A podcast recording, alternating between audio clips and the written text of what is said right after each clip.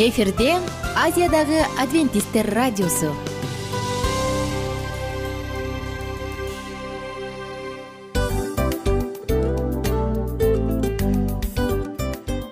Достор салют.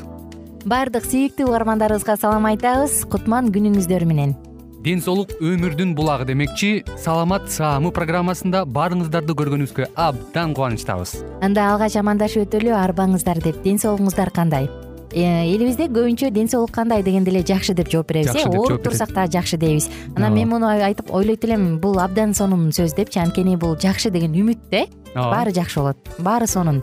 Деп үмүттөнүп атып эле өзүбүздү өзүбүз дарылап коебуз. Анысы кандай сиздин дагы ден соолугуңуз жакшы беш деген үмүттөбүз чындыгында ден соолук бул өмүрдүн булагы деп бекеринен айтылган эмес деп ойлойм. Кыргыз элинде анткени эгерде ден соолук жок болсо анда адамдын жашоосунда калган баардык керектүү маңыздуу нерселер өзүнүн баалуулугун жоготуп коет. Ошондуктан ден соолук бул эң керектүү нерсе. Ооба туура айтасың кесиптешим. Чынында ден соолугуң жок бир эки үч күн ооруп калсаң эле э кандай болуп калат? Жашоодо көз каранды болуп каласың көп нерсеге жетишпей каласың көп нерсени кыла албай каласың жада калса эчке дүкөнгө да чыга албай каласың. Туптуура анан ден соолук болсо демек биз биздин бактыбыз тоодой деп койсок болот. Анда достор саламат саамы рубрикабызды баштайлы. Алдыда өзүңүзгө керектүү болгон сонун кеңештерди уга аласыздар. Мына ошондуктан биз менен бирге болуңуздар. Ал эми биз болсо милан жана айнура. Кеттик алга. Алга саламат саама ден соолуктун жарчысы. Саламат саама ден соолуктун ачкычы. Күн сайын сиз үчүн мыкты кеңештер сонун жаңылыктар кызыктуу фактылар биздин рубрикада.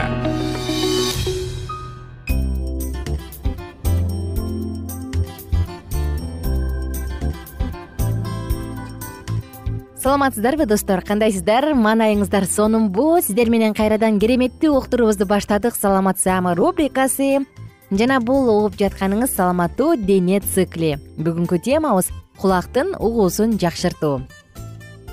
Кымбаттуу угарман элестетип көрүңүз сиз толук ушундай бир калың тынчтыкта бейкуттукта тынчтыктасыз. Ушундай тынчтык. Сизге мындай абал жагабы охи эптеп ушу ызы чуудан эс алайынчы дейсиз бирок көп убакыт боло аласызбы? Жок. Ишенип коюңуз бир аз убакыттан кийин эле сиз ар кандай үндөрдү музыка жакындарыңыздын сүйүктүүлөрүңүздүн үнүн уккуңуз келе баштайт. Эгерде сизде дагы ушундай угуу эң сонун чоң белеги бар болсо анда аны колдон келишинче сактаңыз. Таң калыштуу жана кереметтүү рубрикабызды андан ары улантабыз кызматыңыздарда кызыңар мен айнура.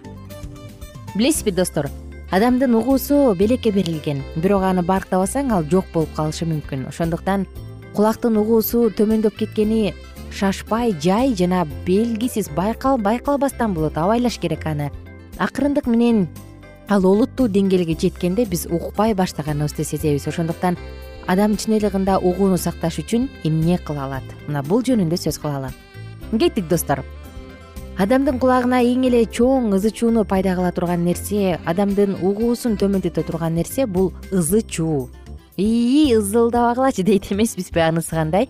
Ызы чуу биринчи кезекте кандайдыр бир ызы чуу нерсени баштаарда же болбосо катуу катуу үндөр чыга турган нерсени баштаардан мурун кулактакыч же атайын кулакка тагылуучу ушу шумга каршы кичинекей кебездер болот эмеспи? Мына ошону тагынып алганды унутпаңыз.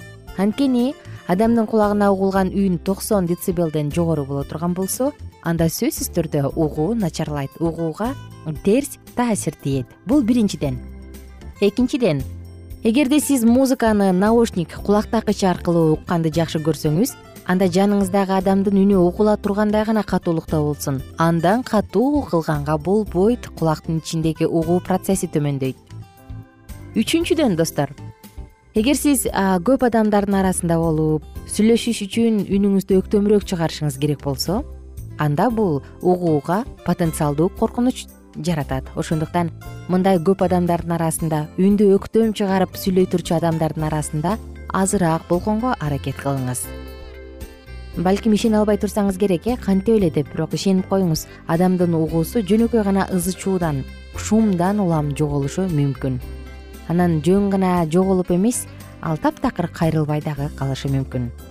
Тилекке каршы алгачкы стадияларда кулак угуу начарлаганда биз оңой менен билбейбиз. Анан доктурга деле барбайбыз.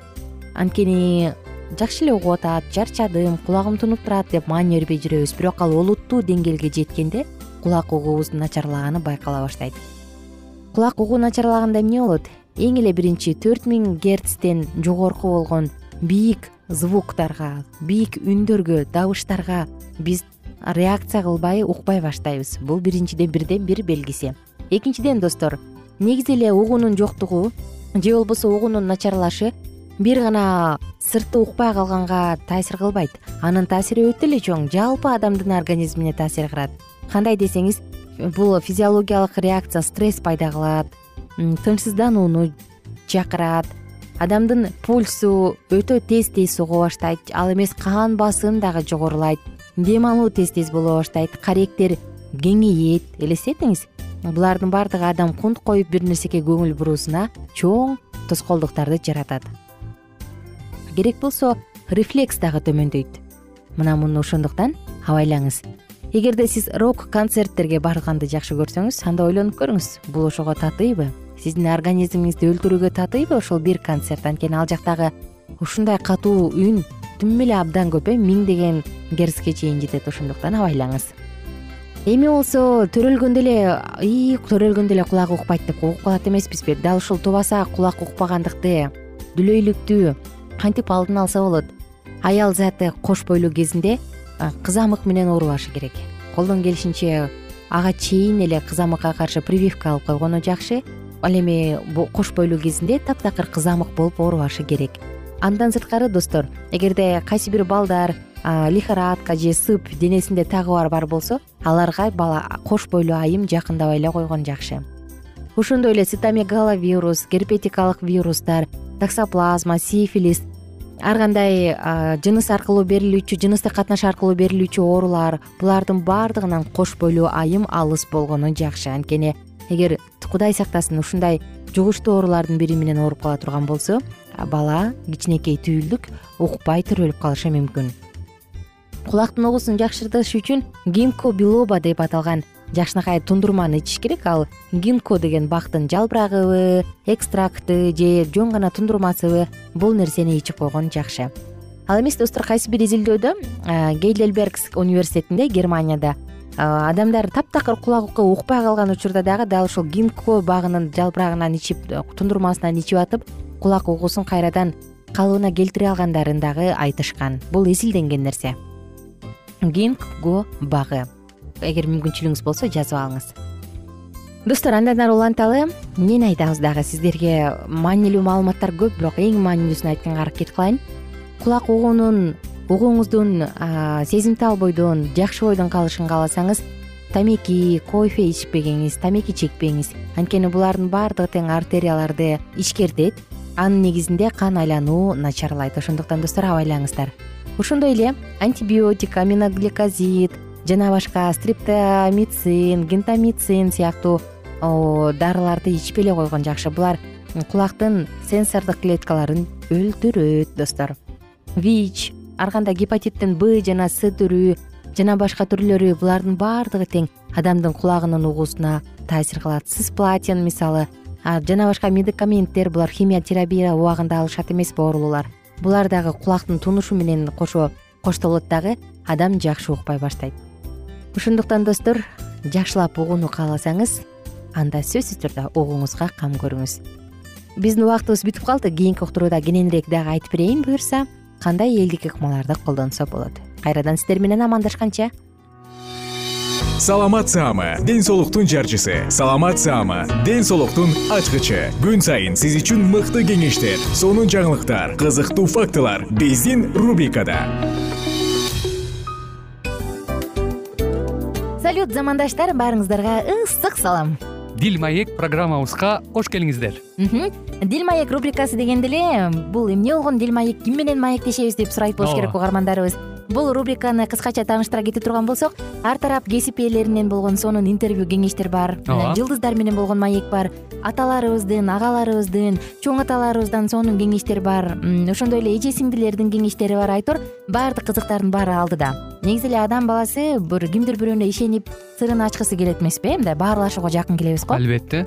Негизи бир жерге отуруп алып кенен шашпай баягы жүрөктөн жүрөккө ачып сырларыбызды ар кандай көйгөйлөрүбүз менен бөлүшүп баягы чын жүрөктөн маек курганды кимибиз сүйбөйбүз э? Ооба десең ал нерсеге суусап да келебиз да. Ооба кээ бирде адамга чындыгында баягы э, ысык маек баягы жылуу маек жетишпейт да. Ошондуктан биз ушул рубриканы ойлоп тапканыбызда эң биринчи эле достор сиздер менен чын жүрөктөн бир маңыздуу темаларды козгоп кеткени э, кааладык. Ошондуктан ушундай сонун бир рубриканы тартуулап жатабыз. Анын үстүнө радио дагы сонун дос да анткени э, мындай учурда досуңа айтсаң досуң досуна айтат досу досуна айтат да анан бүт өлкө билип калышы мүмкүн го. А радио болсо сени сатпаган сенин айыбыңды ачпаган сенин сырыңды эч кимге айтпаган сонун дос мына ошондуктан биздин алдыдагы айта турган кеңештерибизди биздин досторубуздун кеңештерин угуп анан ал жака пикириңизди дагы калтырып кайрадан биз менен байланышсаңыздар болот.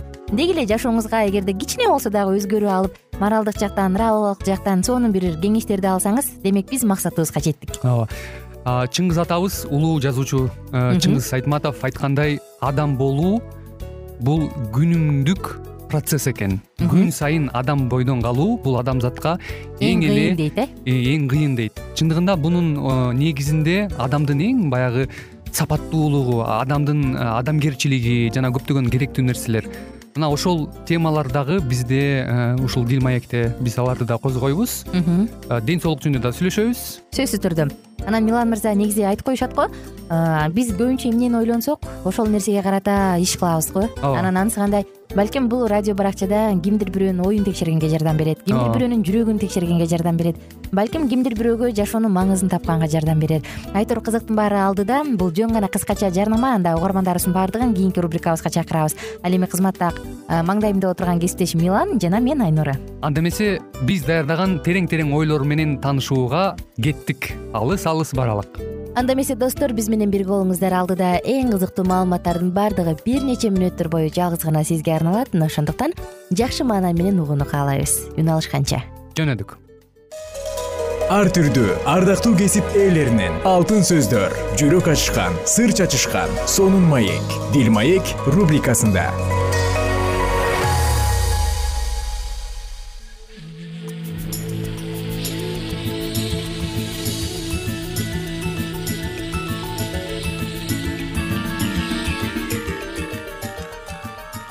амансыздарбы ардактуу радио угармандарыбыз. Кайрадан эле сиздердин назарыңыздарда сүйүү жоолугушуулар жана нике аттуу берүүбүздү баштамакчыбыз.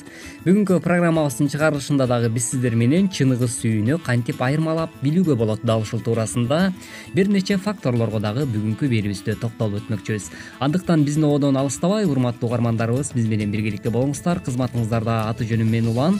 Жана ошондой эле кесиптешим асель биз сиздер менен бирге болобуз. Анда эмесе кеттик достор алдыны көздөй программа сапарын улантабыз чыныгы сүйүүнү кантип айырмалап билүүгө болот? Ошондой эле биз азыр э, биринчи бүтүмгө дагы токтолуп өтөлү сен башкаларга жасаган мамилең өзгөргөн жокпу? Дал ушул туурасында дагы сүйлөшөлү. Кызыгуу болсо мындай болот экен. Бирөөгө кызыгып калганыңда бүт дүйнө бир адамдын тегерегинде айланып калат. Башка адамдар менен мамиле түзүү маанисиз сезилет.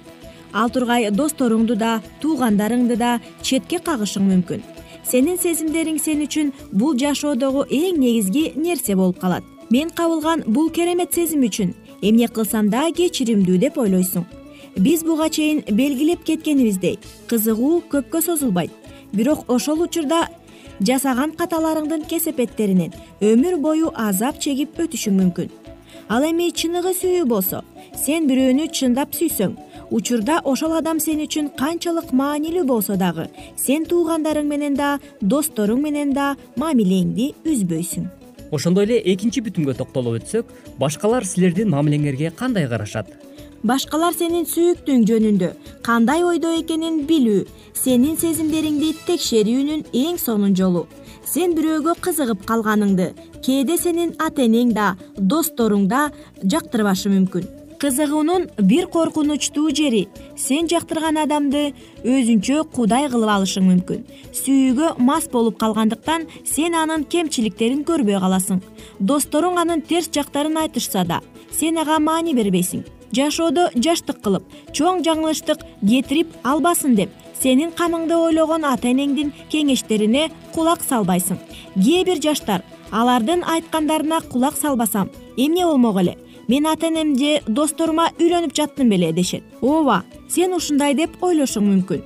Бирок эң жакын адамдарыңдын кеңештерин четке какканың туура эмес албетте жогорудагы окуяга мисал келтире кетсек дагы болбос. Себеп дегенде чындап эле баягы э, жаштардын арасында бири бирин жактыруу сезиминде э, деги эле сүйүү жаатында адам кээде дагы өзүнүн ошол сүйүктүүсүнүн жакшы эле жактарын көрүп эле анан э, кандайдыр бир кемчиликтерин көрбөй эле аны жашырып жаап баягы буга чейинки программаларыбызда дагы бир нече жолу бул туурасында кеп кылып өткөнбүз. Негизи эле сүйүп калган адам бир алып учуп эле башкача айтканда бир башкача бир сезимдерге чөмүлүп калат эмеспи. Андыктан э, баягы адамдын көзүн бул сүйүү дагы сокур кылып коет деп дагы бөлүшүп өтпөдүк белек. Э, демек бул жаатта дагы биз эгерде ата эненин кеңешин жана ошондой эле өзүңдүн бир э, жакшы досторуң туура кеңеш берип жаткан болсо сөзсүз түрдө анда ошол кеңештерди четке какпастан албетте эске алуу дагы бул сөзсүз түрдө зарыл экен деген дагы ойду айтып өткүбүз келет да. Бул туурасында дагы кесиптеш сен кандай ойдосуң чын эле сүйүүгө мас болуп жүрөт. Э, бул э, баш айланып калыптыр деген сөздөрдү дагы уксак болот. Бирок э, чыныгы сүйүү бул жашоого олуттуу мамиле менен карап бул адам чын эле сага төп келеби бул адамдын мүнөзү кандай ошолордун баарын карап чыгып анан кийин бир жыйынтыкка токтолсо бул дагы эң сонун болмок албетте андыктан урматтуу жаштар чындап эле сиз болочокто нике куруу максатында көздөп ушул эле максатта кыз жигит болуп жүргөн болсоңор анда кыздар жана балдар сиздерге айта кетчү кеңешибиз. Сөзсүз түрдө бир жакадан баш бир жеңден кол чыгарган сыяктуу ар бир нерседе олуттуу ойлонгон абзел болуп саналат эмеспи. Андыктан өзүңүздүн никелик жашооңуздун бактылуу болушун кааласаңыз сөзсүз түрдө туура бүтүмгө келесиз деген э, ойдобуз. Андыктан биз болсо сиздерге сүйүү жаатында ийгилик каалоо менен биргеликте программабыздын сапарын улантсак эң жакын адамдардын э, кеңештерин четке каккандык деги эле туурабы ушул туурасында дагы сөз кылып өтмөкчүбүз. Сенин жана сен сүйгөн адамдын бала чагынан бери калыптанып келе жаткан өзүнүн чөйрөсү бар эмеспи. Бул күн өткөн сайын өзүнүн тандап алган досторубузга окшошуп алар болсо тескерисинче бизге окшошуп калышат. Ошондуктан сенин досторуңду Э, сени чагылдырган күзгү десек болот. Эгер сен бирөөгө жөн эле кызыгып калсаң досторуң муну жактырбашы мүмкүн. Эгер силердин мамилеңер досторуңа жакпаса алардын кеңештерине кайдыгер караганың болбойт сөзсүз түрдө чындап эле баягы э, улуумун өкүлдөрү дагы бизге кеңеш берип атканда ата энелерибиз айтып коет эмеспи.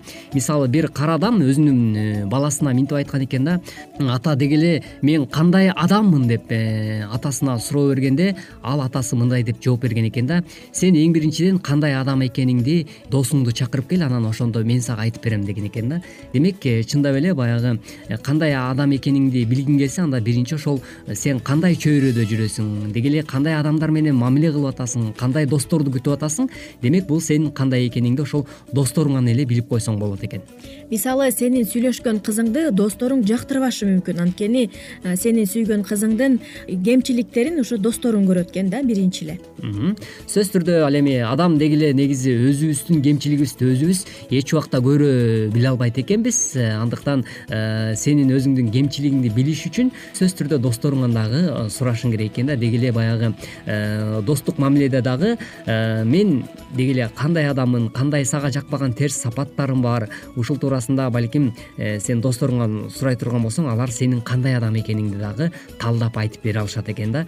Демек сүйүү жаатында деле баягы кыз менен жигиттин ортосунда деле ушундай болуш керек э. Мисалы сен өзүңдүн кемчилигиңди көрбөй калсаң ошол сүйлөшкөн кызыңан деле сурасаң болот болуш керек да. Мисалы менин сага жакпай турган кандай сапаттарым бар же болбосо кандай адаттарым бар ушул туурасында мага мындай менин жакшы эле жагымды эмес сөзсүз түрдө терс жактарымды да айтып берчи деп дагы э, сурасаң ошол сени менен э, сүйүү жаатында мамиле кылып аткан адамың деле айтып бере алат болуш керек да.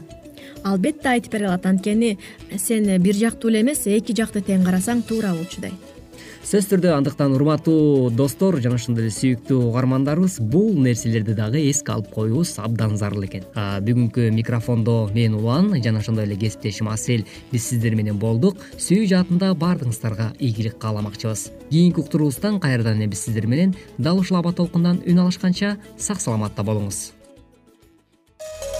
ар түрдүү ардактуу кесип ээлеринен алтын сөздөр жүрөк ачышкан сыр чачышкан сонун маек дил маек рубрикасында.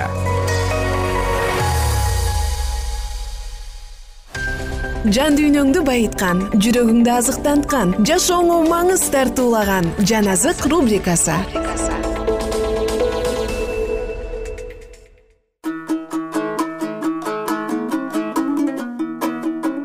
күнүңүздөр менен достор. Жалпы биздин сүйүктүү замандаштарыбызга сагынычтуу салам. Сиздер менен бирге жан азык уктуруусу башталып жана улуу күрөш китебин окууну андан ары улантабыз. Бирок кудайдын элин алдоо мүмкүн эмес. Жалган машаяктын окутуулары ыйык жазууга карама каршы келет. Анткени ал эч кандай ырайымсыз кудайдын каары төгүлө турган айбанга жана анын түрүнө табынбаган адамдарды алкыштап жатат андан тышкары шайтанга машаяктын келишин туураганга жол берилген эмес. Куткаруучу машаяк өзүнүн келишинин алдында ушул сыяктуу алдоолордон сак болуусу керектиги жөнүндө өз элине эскертип кеткен. Анткени мүмкүндүгү эле болсо тандалгандарды дагы адаштырыш үчүн жалган машаяктар жана жалган пайгамбарлар чыгат. Дагы чоң жышаандарды жана ажайып иштерди көргөзөт. Ошентип эгерде силерге мына ал ээн талаада десе барбагыла. Мына ал жашыруун үй бөлмөлөрдө десе ишенбегиле. Анткени чагылган жарк журк этип чыгыштан батышка карай көрүнгөндө адам уулунун келиши дагы ошондой болот. Мындай келүүнү жасаш мүмкүн эмес. Ал жөнүндө бардыгына маалым болот. Анткени аны түгөл дүйнө жүзү көрөт. Жана бул дүйнөнү туткундаган азгыруучунун күчүнөн бир гана ыйык жазууну кылдаттык менен изилденген жана чындыктын сүйүүсүн кабыл алган адамдар гана коргоо ала алышат. Кудай сөзүнүн жардамы менен алар айлакердин айыбын ачышат бардыгы сыналышы керек. Жана азгыруулар чыныгы машаякка ишенген адамдарды ачып билдирет. Бул азгырыкка берилбеш үчүн кудай эле кудай сөзүнө бекем болушунун зарылдыгы бар бекен. Бул кыйын кырдаалда ал бир гана мукадаска жана мукадаска таянып үйрөнө алабы бул күнгө даярданууга жол бербеш үчүн шайтан болгон аракетин жумшайт. Жана адамдар жердеги түйшүктөргө байланышы үчүн ар кандай тоскоолдуктарды коет. Алардын жүрөктөрү байлыкка оор жумуштарга малынуусун камын көрөт. Жана алар үчүн бул күн түнкү ууру өңдөнүп келүүсүн каалайт. Жана ар кандай машаяк жолун жолдогон жыйындар аркылуу кудайдын мыйзамына каршы чыгарылган буйрук алардын мамлекеттик бийликтер тарабынан куугунтукту алышына шарт түзөт. Алардын өлүмүн каалаган адамдардын колуна салып берет. Кудайдын адамдары бул куугунтуктардын айынан шаардагылары кыштактарга жана алыскы чөлдүү жерлерде күн көрүш үчүн качып барышат. Көпчүлүк адамдар үчүн баш калкалар жай бийик тоолор болуп калат. Пимонтадагы машаяктын жолдоочулары сыяктанып алар бийик тоолорду өздөрүнө касиеттүү жай кылышат жана бийик калкаланган аскалар үчүн. Ышая отуз үч алты. Кудайга даңк айтышат бирок көп элдердин арасынан көп сандаган белгилүү жана жөнөкөй бай жана кедей ак жана кара адамдар ырайымсыз кулга айланат. Кудайдын сүйгөн адамдары кубаныч жок күндөрдү баштарынан өткөрүшүп кишендерде түрмөлөрдө өз өлүмүн күтүшүп кайгырган күндөрдү баштарынан өткөрөт кээ бирлери жер алдында ачтан өлүшөт. Алардын озондоолорун эч ким укпайт жана бир дагы кол аларга жардам кылыш үчүн сунулбайт. Бул сынак мезгилинде теңир өз элин унутуп коебу топон сууга чейинки дүйнөгө кудайдын соту келгенде ал нух пайгамбарды унутуп койду беле? Асмандан от түшүп шаарларды талкалап жатканда ал лотту унуттубу египеттеги жасалма кудайларга сыйынган адамдардын арасынан ал жусупту эстеген жокпу? Сен дагы ваалдын пайгамбарларын кылгандай кылам деп изабель ант бергенде ал илья пайгамбарды унутту беле караңгы жана коңурсуган аңгектин ичинде азап чегип жаткан иеремия пайгамбарды кудай калтырдыбы? Же даниил пайгамбарды арстандын зынданында ал унутуп койгонбу? Буга карабастан сион айтты теңир мени таштап койду. Менин кудайым мени унутту деп. Эне өзү тууган уулун аябастан эмчектеги баласын унутабы. Бирок эгерде эне баласын унутса дагы мен сени унутпайм. Мына мен сени өзүмдүн алакандарыма жазып койдум. Анткени силерге ким тийсе ал анын көз карегине тийгени душмандар кудайдын кызматчыларын түрмөлөргө салган болсо дагы алардын дубалдары алардын жанын машаяктан бөлүп сала албайт. Ар бир алсыздык белгилүү болгондун өзү ар бир сынактар менен тааныш болгон жердеги бардык бийлик башчыларынан жогору. Эч ким бара албаган түрмөлөрдө аларды периштелер көрүп турат. Жана аларга асмандын жарыгын жана тынчтыгын алып келишет. Жана түрмө аларга ак сарайдай көрүнөт. Анткени ал жерде ишенимде бай адамдар чогулган жана кайгылуу дубалдарды асмандын жарыгы жаркыратат. Бир кезде дагы элчи павыл менен сила филиппия шаарында зынданда жатышып жарым түндө сыйынышып жана ырдашкан. Кудайдын каары кудайдын элин кыйнап жана өлтүрүүнү каалаган адамдардын үстүнө түшөт. Анын кайырдин адамдарга карата болгон көпкө чыдамдуулугу аларга дем берет. Бирок кечиктирилгенине карабастан боло турган жаза качып кутулгус жана коркунучтуу болот. Анткени теңир перитсам тоосуна көтөрүлүп чыккандай келет габаун өрөөнүндө каардангандай каарданат. Өзүнүн ишин бөтөнчө ишин аткарыш үчүн өзүнүн аракетин укмуштуу аракетин жүзөгө ашырыш үчүн ошентет. Ышая жыйырма сегиз жыйырма бир. Биздин ырайымдуу теңирге жаза келтирүү бул адаттан тышкары аткарыла турган иш. Мен тирүүмүн дейт теңир. Күнөөкөрдүн өлүмүн каалабайм. Теңир адамдарды сүйүүчү жана ырайымдуу көпкө чыдамдуу жана эң кайрымдуу акыйкат айыбын кылмышын жана күнөөлөрүн кечире турган кудай. Бирок жазасыз калтырбай турган кудай. Теңир көпкө чыдамдуу жана кудуреттүү боюнча жогору жана жазасыз калтырбайт. Ал өзүнүн адилеттүүлүгү менен аябайт жана өзүнүн тебеленип калган мыйзамдарынын баркын калыбына келтирет. Айыптууну күтүп турган жазанын каардуулугун теңирдин адилдигинин аргасыздыгы катары билишибиз керек. Ал көпкө чыдап жана тийбей жаткан эл кудай алдында өздөрүнүн мыйзамсыз табагын али толтуруша элек. Жана алар акыры кудайдын ырайымы кошулбаган табактагы анын каарын ичишет.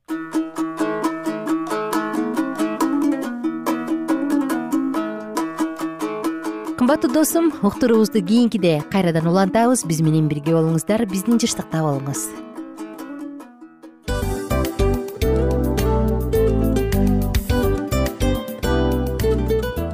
ушинтип убакыт дагы тез өтүп кетет экен. Биз дагы радио уктуруубуздун аягына келип жеттик. Келип кубандырдыңар эми кетип кубандыргыла деп тамашалап калышат эмеспи анысы кандай? Радио баракчабызды программабызды азыр эле баштап аткандай болдук элек. Мына соңуна келдик э? Негизи убакыт билинбей өтүп кетет экен?